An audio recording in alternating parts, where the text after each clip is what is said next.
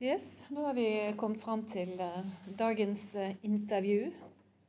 Uh, neste gang så vil jeg intervjue en dame, så bare vær klar. Jeg kommer til å spørre dere som sitter i salen om en av dere vil stille neste gang.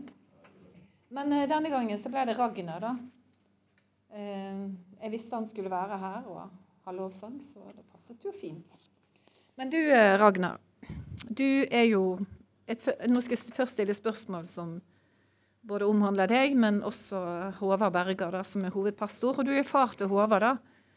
Eh, hvordan er det å sitte og høre på han søndag etter søndag? Ja, det er veldig bra. Jeg må si det. Jeg, jeg storkoser meg uh, med det. Uh, vi har jo en sånn. Vi har jo en, uh, en god dialog ofte før talen. Eh, sånn at han, han ofte, sitter ofte hjemme hos oss og forbereder. Sånn at uh, vi, vi, driver liksom og spiller litt sånn pingpong med hverandre. Uh, både han og Som dere sikkert har hørt mange ganger, så har han sagt 'min mor sier'. Så Herborg er en vis dame, og vi, har, vi, har, mye, mye sånn Vi føler vi lever litt med i, i, det, i det, han, i det han forkynner. Så for oss som foreldre så syns vi bare det, det, er veldig godt å være, og det er veldig godt å se han i funksjon. Hele familien, egentlig. Ja. Uh, ja uh, Han har jo snakket mye du nevnte det, eller han har snakket mye om uh, den kjærligheten som han har til Bibelen, og som han har fått hjemmefra. da. Når oppdaget du sjøl for alvor Bibelen? Ja, min oppvekst den foregikk veldig mye i et veldig, kan de kalle det, stringent, uh, læstadiansk prega uh, miljø. Uh, hvor det var mye regler, mye lover, mye man måtte gjøre og ikke måtte gjøre. Kanskje mest det siste. Um, og forholdet til Bibelen ble veldig mye det andre sa. Det andre fortalte, det andre forkynte. Men jeg hadde, jeg hadde, et veldig dårlig eller lite utvikla eget forhold til Guds ord i min, i min, oppvekst. Og for så vidt langt ut i gymnastida. Selv om jeg var med i laget og koste meg der, så, så var det mer miljøkristendom, mer å være med der eh, det var kristne eh, verdier og kristne retningslinjer.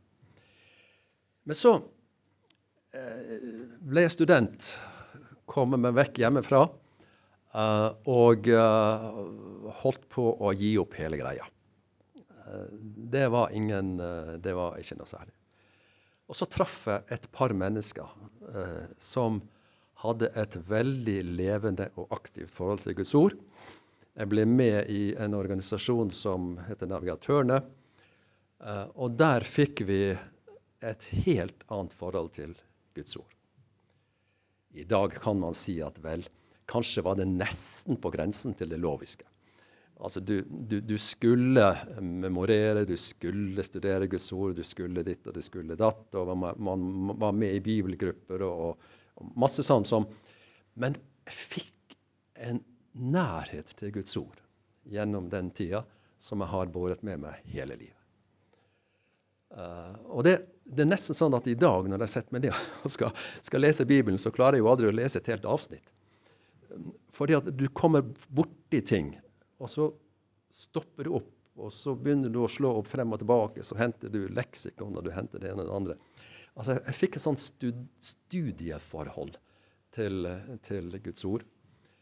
Um, og så er det vel også riktig å si at det ble litt sånn hodekristendom. Litt sånn intellektuelt. Vi var jo i et teknisk Jeg gikk på, på det som den gang het NTH. Så, så, det ble mye sånn finne, finne sannheten, finne innholdet, struktur, egenskaper ved Guds ord osv. osv. Um,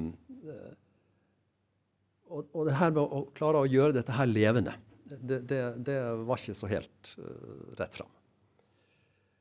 Og så to, var vi fire stykker som ble enige om at i løpet av ett semester så skal vi, så skal vi ta eh, Galaterbrevet 5.22.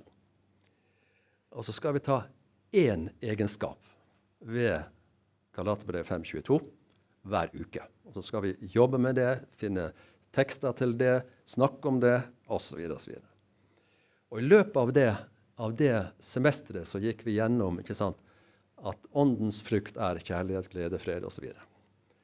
Og så drev vi og snakka med hverandre. ja, Hva, hva syns du om det? Hvordan går det? Um, hvor, hvordan tilegner du det? Hvordan, masse sånn. Og det semesteret gjorde noe med oss. Um, fordi at plutselig så fikk vi et sånt nært forhold til at det Guds ord snakker om, det, det fikk et tak i, i, i, våre liv. Så i løpet av det semesteret Det, det var, anbefales. anbefales. Bruk god tid i Galatebrevet 5.22 og gjør det til et tema. Uh, og liksom jobbe med det. Så det, det, det gjorde noe med oss. Ja. min eh, tidligere redaktør i Dagen, Johannes Kleppa, han eh, befant seg alltid ett sted i Bibelen. Han leste Bibelen kontinuerlig, jeg håper si. Er det sånn med deg også at du alltid befinner deg et sted i Bibelen? Ja, stort sett. Um, jeg har, um, jeg har, nå holder jeg på med Gammeltestamentet. Begynte på første Mosebok og leser meg gjennom. Jeg er kommet ut i, i uh, ordspråkene for tiden. Jeg er ikke kommet til kapittel 30 ennå. Uh, men det uh, Og jeg har ikke noe hast, for å si det sånn. Det er litt sånn som jeg snakka om i sted. Du stopper liksom opp stadig og prøver å finne ut av hva er det her. Hva står det her? Så, så jeg følger en, min ikke noe fast leseplan som er utgitt av noe bibelselskap eller organisasjon. Det er bare mitt eget løp. Uh, som, som, men jeg er alltid et sted, ja. Så, så, det kan jeg si ja på. Men hvor er du akkurat nå, da? Ja, nå er jeg i ordspråkene. Så, så nå, nå, er jeg sånn midt i ordspråkene og holder på der. Uh, der er mye visdom og en del rart, men det er, det er sånn Guds ord er. Der er, der er, der er masse fint. Ja. men når du studerer Bibelen, så er du opptatt av de lange linjene. Eh, hva går man glipp av eh, hvis man leser, eller hvis man bare sånn hopper litt rundt omkring i Bibelen? da?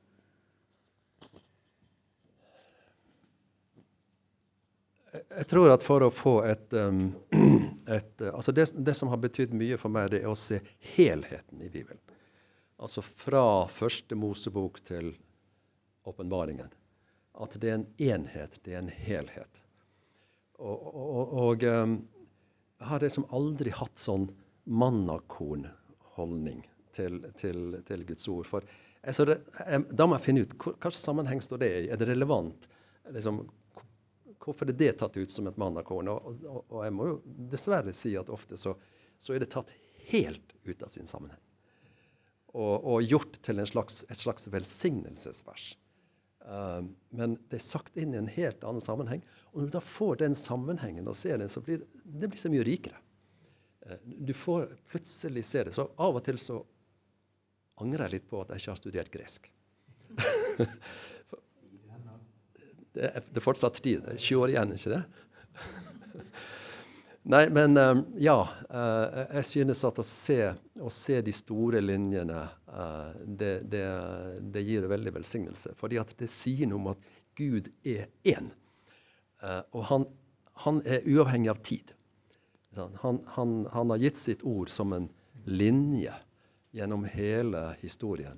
Og så får vi lov til å øse av det. Hva betyr Bibelen for deg i dag?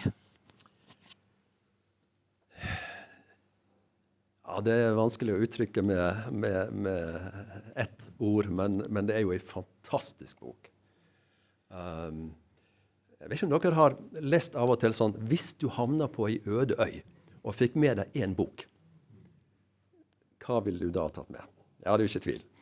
Uh, men, men, det er noe med at det er en kilde til, um, til liv. og Uh, nå, har ikke, nå, har jeg ikke noe sånt her livsvers, om du skal kalle det det. Sånn, men kanskje det verset som står fram mer enn noe annet fra Guds ord for, for, meg, det er det som ble sagt her inne i forbindelse med åpningen av denne her, Det er det som hos deg er livets kilde. I ditt lys ser vi lys. Og så har jeg tillatt meg å trykke litt på enkelte ting her. Og så sier jeg i ditt lys ser vi lys. Og det betyr mye for meg. Altså at, at i Guds overlys, ut fra Hans ord, ut fra fellesskapet med Han, relasjonen med Han, så ser vi lys. I tillegg så sier jo Jesus at han er livets lys, så det er jo greit. Men, men det er noe med å ha dette bibellyset, eller Guds ordlyset, over livet.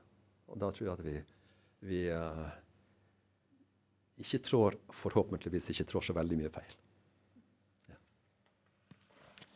Tusen takk, Ragnar. Det var en lykke at du møtte disse her navigatørene i din ungdom.